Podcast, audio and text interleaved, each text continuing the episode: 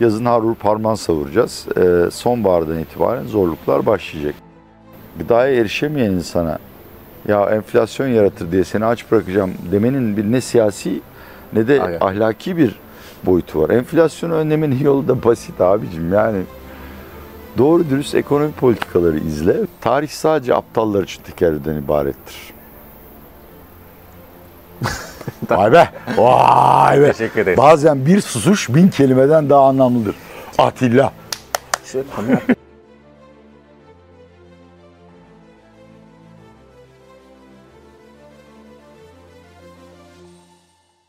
Atiye Bey merhaba, hoş geldiniz yeni bir haftaya. Hoş bulduk. Siz de hoş geldiniz. Artık yaz iyice kendini hissettiriyor değil mi? Evet.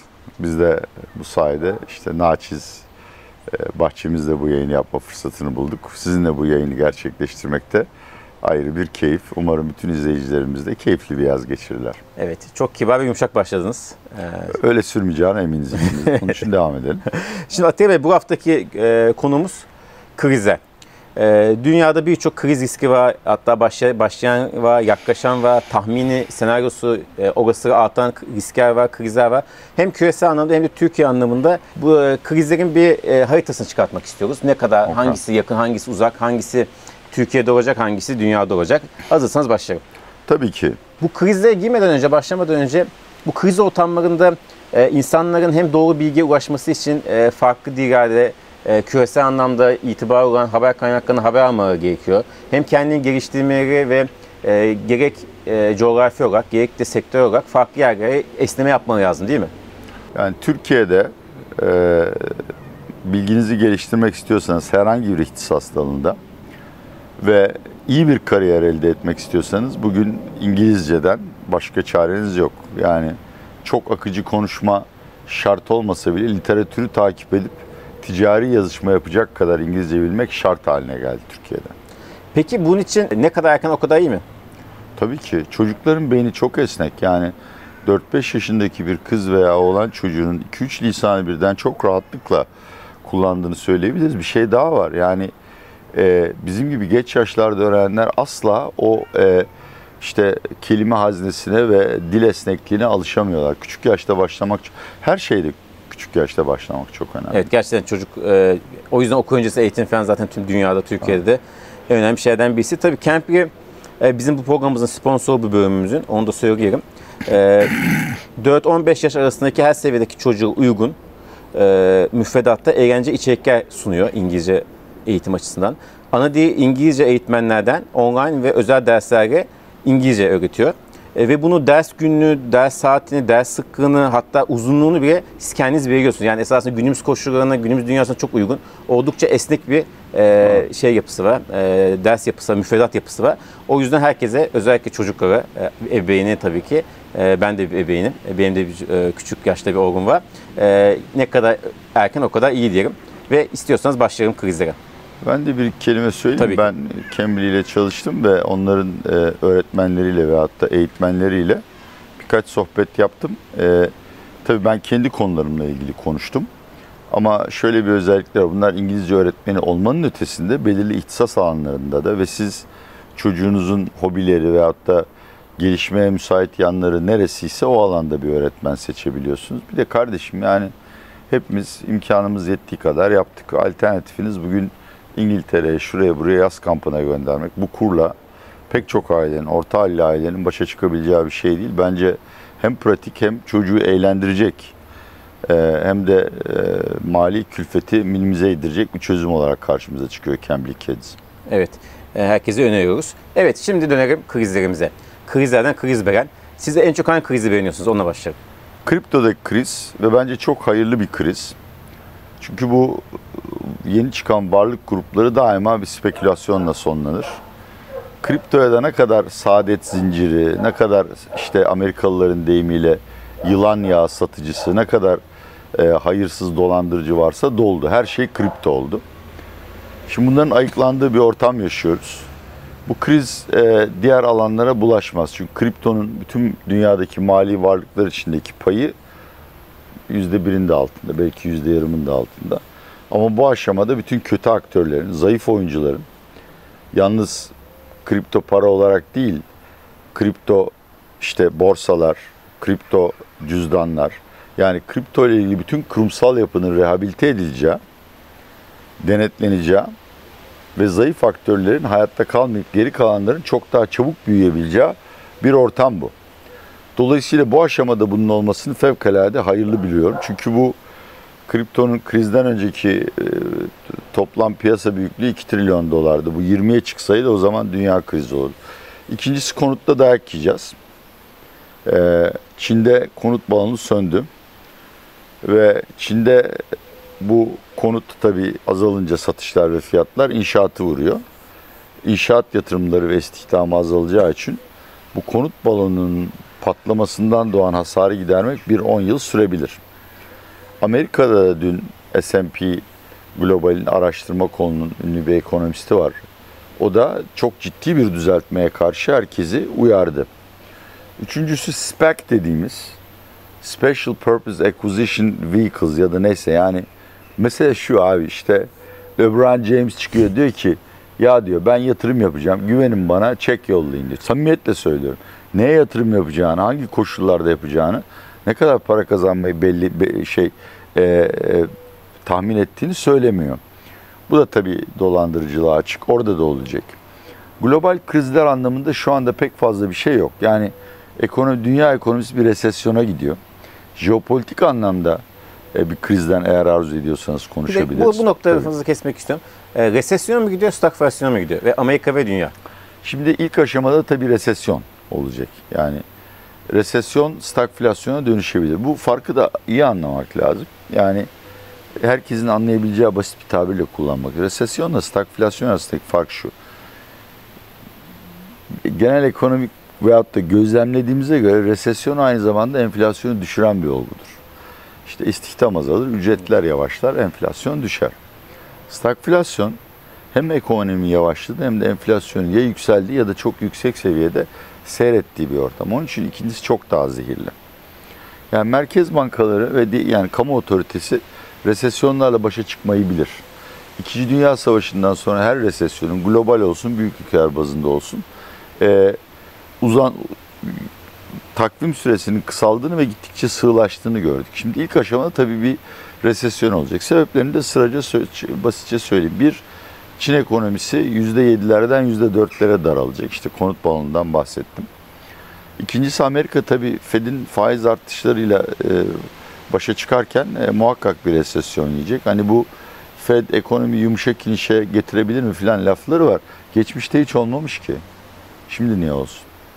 Avrupa'da da çok ciddi bir enerji krizi var. Dün Almanya çok e, korkutucu bir açıklama yaptı. Kış aylarında Lehman tipi bir enerji krizi yaşayabiliriz dedi.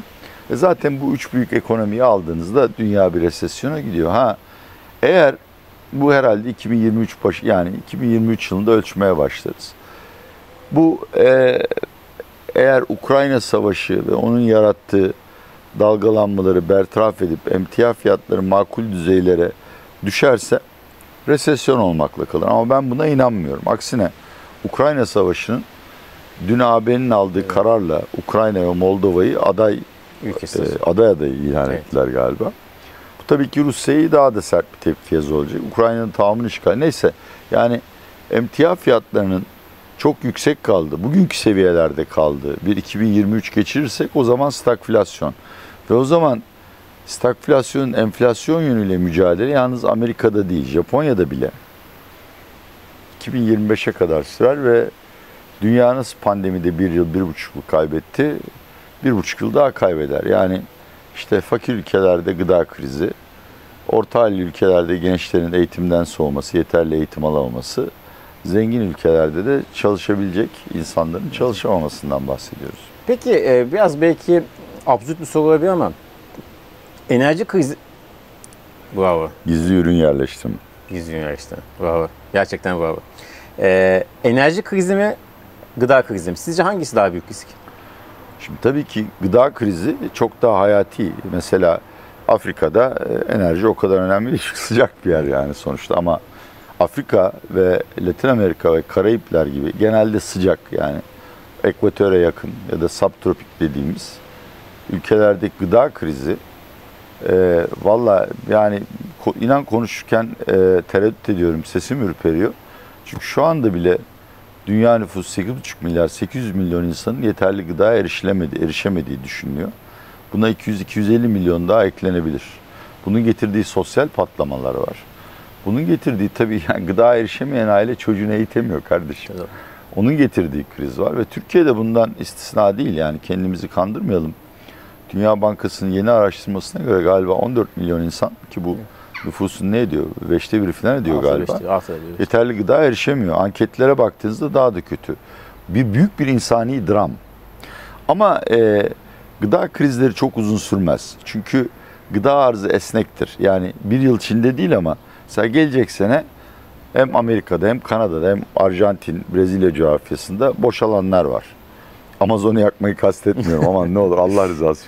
Sonra bir de çevre düşmana çıkmasın adımız ama ekilmemiş alanlar var. Bunlar işte verimliliği marjinal ve maliyetleri kurtarmak ekilmiyor. Fiyatlar yükseldiği zaman bunları ekiyorsunuz sonbahar kış aylarında. Gelecek sene sorun büyük ölçüde çözülüyor. Enerjide çok yani sorun 10 sene boyunca çözülmeyebilir. Sebebi bir, yani şu Ukrayna Savaşı'nın hali hazırdaki etkilerini bir kenara bırakalım. Bütün dünya bir ders aldı. Rusya'dan gelen arz garanti değil ve siyasi koşullarla geliyor. Dolayısıyla Çin ve Hindistan dışında bütün ülkeler bir şekilde Rusya'ya olan enerji bağımlılıklarını kesecekler. Ama bunun yapılabilmesi için tabii başka bir yönde arzın genişlemesi lazım. Bu olmuyor. Çünkü 2014'ten bu yana e, yıllık enerji sabit yatırımları %50 azaldı. Sebebi de yani tabii hani biz fosil yakıttan yeşile geç. 2030'da sıfır fosil yakıt falan diyorduk ki olması gereken de odur ama şimdi bir petrol yatağının keşfedilip geliştirilmesi 3 ila 5 yıl en iyi ihtimalle. Paranızı geri almanız 10 yıl. E, millet dedi ki ya niye yatırım yapacağız ki? Dolayısıyla çok ciddi bir arz sıkıntısı var. E, mesela Suudi Arabiya yani OPEC'te toplam şey kapasitesi atıl kapasite 1 milyon varile inmiş gerekir. Olabilir. Ki normali 3 milyon varil gün civarında bir atıl kapasite. Şimdi bu koşulların çok çabuk iyileşmesini beklememeli. E, dolayısıyla e, yani Ukrayna Savaşı'nda mucizevi bir barış anlaşması olmazsa ya da Batı tamamen Rusya'nın taleplerine teslim olmazsa bizi çok uzun bir enerji krizi dönemi bekliyor olabilir. Peki buradan Türkiye'ye geçersek, bu bahsettiğimiz krizler Türkiye'nin ekonomisinin durumu da malum. Zaten her program konuşuyoruz. Onu tekrarlama çok gerek yok. Bizi bu durumda, ki şu an mevcut durumumuzda en çok zorlayacak hangi küresel krizdi veya küresel şoktu? Vallahi yani tabii ki Ukrayna Savaşı e, yani bizde de gıda çok ciddi bir sorun haline gelecek. Bizde demin bahsettiğim global unsurlar dışında bir de bu hükümet tarım reformu için çok çabaladı ama beceremedi. E, bizde yani e, tarımın tamamen mahvolmasından bahsediyoruz. İşte çiftçiler topraklarını terk ediyor. Kimse maliyetini kurtaramıyor. Dünya fiyatlarını bir kenara bırak. Türk lirasının zafiyeti yüzünden bütün ithal ettiğimiz mazot, gübre, tarım ilaçlarına erişim zayıfladı. Ve daha da önemlisi bir şey var. Yani ortalama son 30 yılda Türk tarımının arzı yüzde bir artar. E, Senin nüfus artışın bir buçuk. Bunun üzerine göçmenleri ekle. Bunun üzerine yazın kimse onu hesaplamıyor. 50 milyon turist geliyor yani bu ve onlar kaliteli gıda istiyorlar. Yani matematiğine baktığında bu iş çıkmıyor. Yani sürek süratli olarak ithalat kaynakları yanında e, arzı geliştirecek bir yöntemler bulmamız lazım. Bu konuda bir çaba yok. Bu da tabii bir aç insan sessiz kalmaz. Sokaklarda yeni gerilimler yaratma tehlikesi yaratıyor. Ben özellikle bu yaz yine mültecilere karşı bir takım tecavüz ve tacizlerin artmasından çok korkuyorum. Ama daha önemlisi yani Türkiye bu e, olağanüstü dönemi atlattığında şu sorunla başa çıkmaya çalışacak. Benim hala büyüyen bir genç nüfusum var. Ve bu insanların eğitim düzeyi 9. sınıf. Bu insanlar yapay zekayla, sanayi 4 ile ve nesnelerin internetiyle birlikte çalışmak zorunda kalacaklar. Olmuyor ki. E şimdi bunun üzerine bir de tabii yani tabii ki aç aile çocuğunu en azından kız çocuğunu maalesef söylüyorum bunu. E, okula göndermeyecek. Eğitim harcamalarını, sağlık harcamalarını kısıtlayacak. Çocuk yeterli miktarda proteine erişemediği için zihni inkişafı zayıflayacak. Aa, Çok çok acıklı bir manzara. Yani Türkiye'de gıda krizi kolay bitmez. Bir. ikincisi bu gıda fiyatlarındaki aşırı artışların yarattığı insani, beşeri sonuçların e, ceremesini de en az bir 4-5 yıl, önümüzdeki 4-5 yıl daha çekebiliriz. Evet. Peki finansal piyasalarda nasıl bir e, şoktan e, öngörüsünüz? Valla borsa dışında bir finansal piyasa kalmadı artık. Yani tahvil piyasasında da, döviz piyasasında da, swap piyasasında da emir demiri keser. Ee, bütün alınan tedbirlere, kısıtlamalara, gayri resmi zorlamalara rağmen döviz tutulamıyor. Şu anda biz fiili bir sermaye kontrolü rejimindeyiz. Yani döviz işlemleri her anlamda kısıtlı. Bankada hesap yenilemeye gidiyorsunuz. Size Amerika'da malınız paranız var mı diye soruyorlar. Niye? Bunu açıkçası bilmiyorum. Devletin böyle bilgiye niye ihtiyacı var anlamıyorum ama beni ürkütüyor açıkçası. Dolayısıyla eğer biz Haziran sonu turistler de geldi ama hala Merkez Bankası arka kapıdan dolar satıyor. Son 3 ayda ayda 10 milyar dolarlık rezerv satmış olabilir. E bu bitecek. Dolayısıyla bir artık kriz mi dersin, buhran mı, kur şoku mu ve sonunda da bir sermaye kontrolleri gelecek. Eğer 2023 yılında seçimlerde iktidar, da iktidar değil politikalar değişmezse Türkiye'nin CDS primleri 800 puanı aştı. Bundan sonraki aşama 1000 puanın üstündedir. O iflasa girer.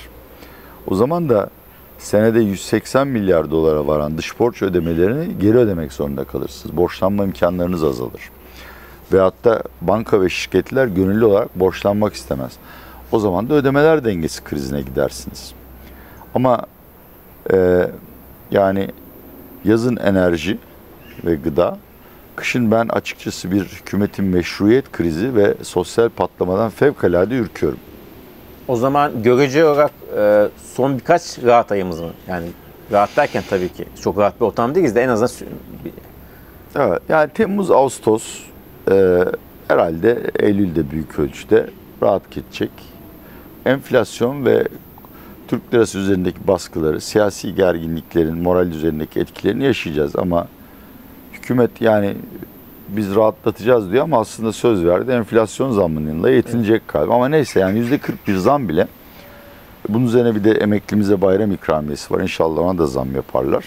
Belki asgari ücrete bir zam gelir. Bunlar 2-3 ay toplumu biraz rahatlatır, acıları dindirir. Bir de tabii yani turizm sezonun iyi geçeceği görülüyor. İnşallah bu yangınlar mani olmaz. Oradan da 1 milyon falan mevsimsellik istihdam gelir. O sokakların da gazını alır ve gençlerimize biraz rahatlık sağlar. Ama tabii maalesef hani bu gelişmeleri bir kalıcı dönüm noktası Sayın Erdoğan'ın tabiriyle bir kırılma noktası olarak e, değerlendiremiyorum. Sebebi de şu bir de yani siz ekonomiye bu parayı akıtıyorsunuz. Bu göl taştığında iki tane çıkış noktası olmuştur hep. Bir, daha fazla ithalat. iki daha fazla döviz talebi. Şimdi Türkiye'deki döviz ser, Türkiye'deki mali servetin yarısı dövizde. Tasarrufların yarısı da dövize gidiyor. Siz insanlara para verirseniz bunun da yarısı dövize gidecek. Yani bunu daha fazla hani teknik laflarla anlatmanın imkanı yok. Dolayısıyla maalesef tabii işte Ağustos böceği gibi La Fontaine'in hikayesinde yazın harur parman savuracağız. Ee, sonbahardan itibaren zorluklar başlayacak. Eğer yine mucizevi bir şekilde kışın enerji emtialarında ciddi bir gerileme yaşanmazsa e, bu patlama noktasına gelecek. Çünkü kışın meyve sebzeyle yaşayamıyorsunuz kuru ekmekle ve evinizde bir şekilde ısınmak zorundasınız. Ama artık devletin sosyal e, destek yoluyla veyahut da özel sektörün istihdam yoluyla insanlara bu geliri aktaracak gücü kalmadı. bütçede e, yetmez mi bütçedeki durumumuz? Ya yetmiyor. Bir de bir yani hükümet çok gereksiz yerlerde Cimri. Bunu defalarca konuştuk. Geçen gün hatta koymuşsun şeye YouTube'a seyrediyordum. Herkesin cebine 2 Evet, milyon. evet. Bunu hala iddiayla söylüyorum. Ya bütçe 135 milyar nakit fazlası verdi geçen ay. Yani artık istikrar. Yani bütçe kemer sıkma tedbirlerini başka yerlerde alın. Altyapı ihalelerini durdurun. Ee, oralara para harcamayın. Vatandaşın cebine para koyun. O da enflasyon yaratmaz mı? Ya yaratır ama yani şu anda o, yine o yayında söylediğim gibi sorunları öncelendirmek çok önemli. gıdaya erişemeyen insana ya enflasyon yaratır diye seni aç bırakacağım demenin bir ne siyasi ne de Aynen. ahlaki bir boyutu var. Enflasyonu önlemenin yolu da basit abicim. Yani doğru dürüst ekonomi politikaları izle ve e, insanlara ve iş dünyasına işte yatırımcılara güven veren bir profil çiz. Bunlar maalesef Türkiye'de olmuyor. Bir örnek daha vereyim. Yani kredibilite bir tutarlılık meselesidir ve verilen sözlerin tutulması meselesidir. Dün BDDK yine swapçılara savaş açtı. Yani sürekli olarak bu daha önce de işte e, varlık rasyosu vardı. Berat Albayrak döneminde swap pazarını kitlemiştik falan. Yani sürekli olarak aynı hataları tekrarlıyoruz. Ve bekliyoruz ki biz ya biz değiştik dediğimizde insan ha tamam bunlar değişti deyip derhal paralarını bize emanet edecek. Böyle bir model yok dünyada. Yani kimse balık hafızalı değil. Ankara'daki siyasetçiler haricinde. Ee, onlar da dediğim gibi yani her geçen gün işleri bozmak için ellerinden geleni yapıyorlar. Evet, Bu arada evet. gelir endeksli zaten yani niye Öyle niye- doğdu. Öyle doğdu. 7 milyarmış gayri mi? resmi e, şeyleri açıklamalara göre. Evet ben e, dün e, bir bizim bir yayın yönetici konuştuk 7 milyarmış dedim. İnanmadılar 7 milyar değildi ya. Yanlışım vardı falan dedi. Sonra gerçekten 7 milyarmış. Ben de 70 falan dedim Evet. çünkü bankalara ve büyük şirketlere ciddi baskı vardı Aynen alacaksınız diye. Eğer buna rağmen para çıkmamışsa çok zor. Pardon E, sözünü para kestim. bitti tabii. E, son olarak şunu sorayım. Her, her programda soruyoruz gerçi ama sizin bu işte yaz ve sonbahar öngörünüz, tahmininiz doğrultusunda yine de bir erken seçim olmaz diyor musunuz? Olmaz. Kesinlikle olmaz. Ben yani Ankara'nın herhangi bir uzun vadeli planı veyahut da bunu tasarlayabilecek beşeri sermayesi kaldığını düşünmüyorum. Ama yani siyaset biraz da eee, refleks meselesidir, sezgi meselesidir. Yani ben hiçbir siyasetçinin bu ortamda seçimi göze alacağını sanmıyorum. Sürekli olarak bir erken seçim var mı yok mu tartışması var. Bu konuda en makul haber sanırım Sayın Nuray Babacan Hürriyet'te Evet. açtı. Cumhuriyet devamını getiriyor. 14 Mayıs'ta hem yeni seçim kanununa yapılan eklemeler yürürlüğe girmiş olacak hem Sayın Cumhurbaşkanı yeniden aday olabilir mi tartışmasına girilmeyecek. E, Haziran'da zaten işte yani okullar kapalı Sınav var. falan. Dolayısıyla bana en makulü 14 Mayıs gibi geliyor. Göreceğiz zaten yayınlarımız devam ediyor olacak. Çok teşekkür ederiz bu güzel e, atmosferde bizi aradığınız için. Ve evet son bir gün yerleştirme daha yaptık. Çok teşekkür ederiz. Çok sağ olun. E, haftaya görüşmek üzere.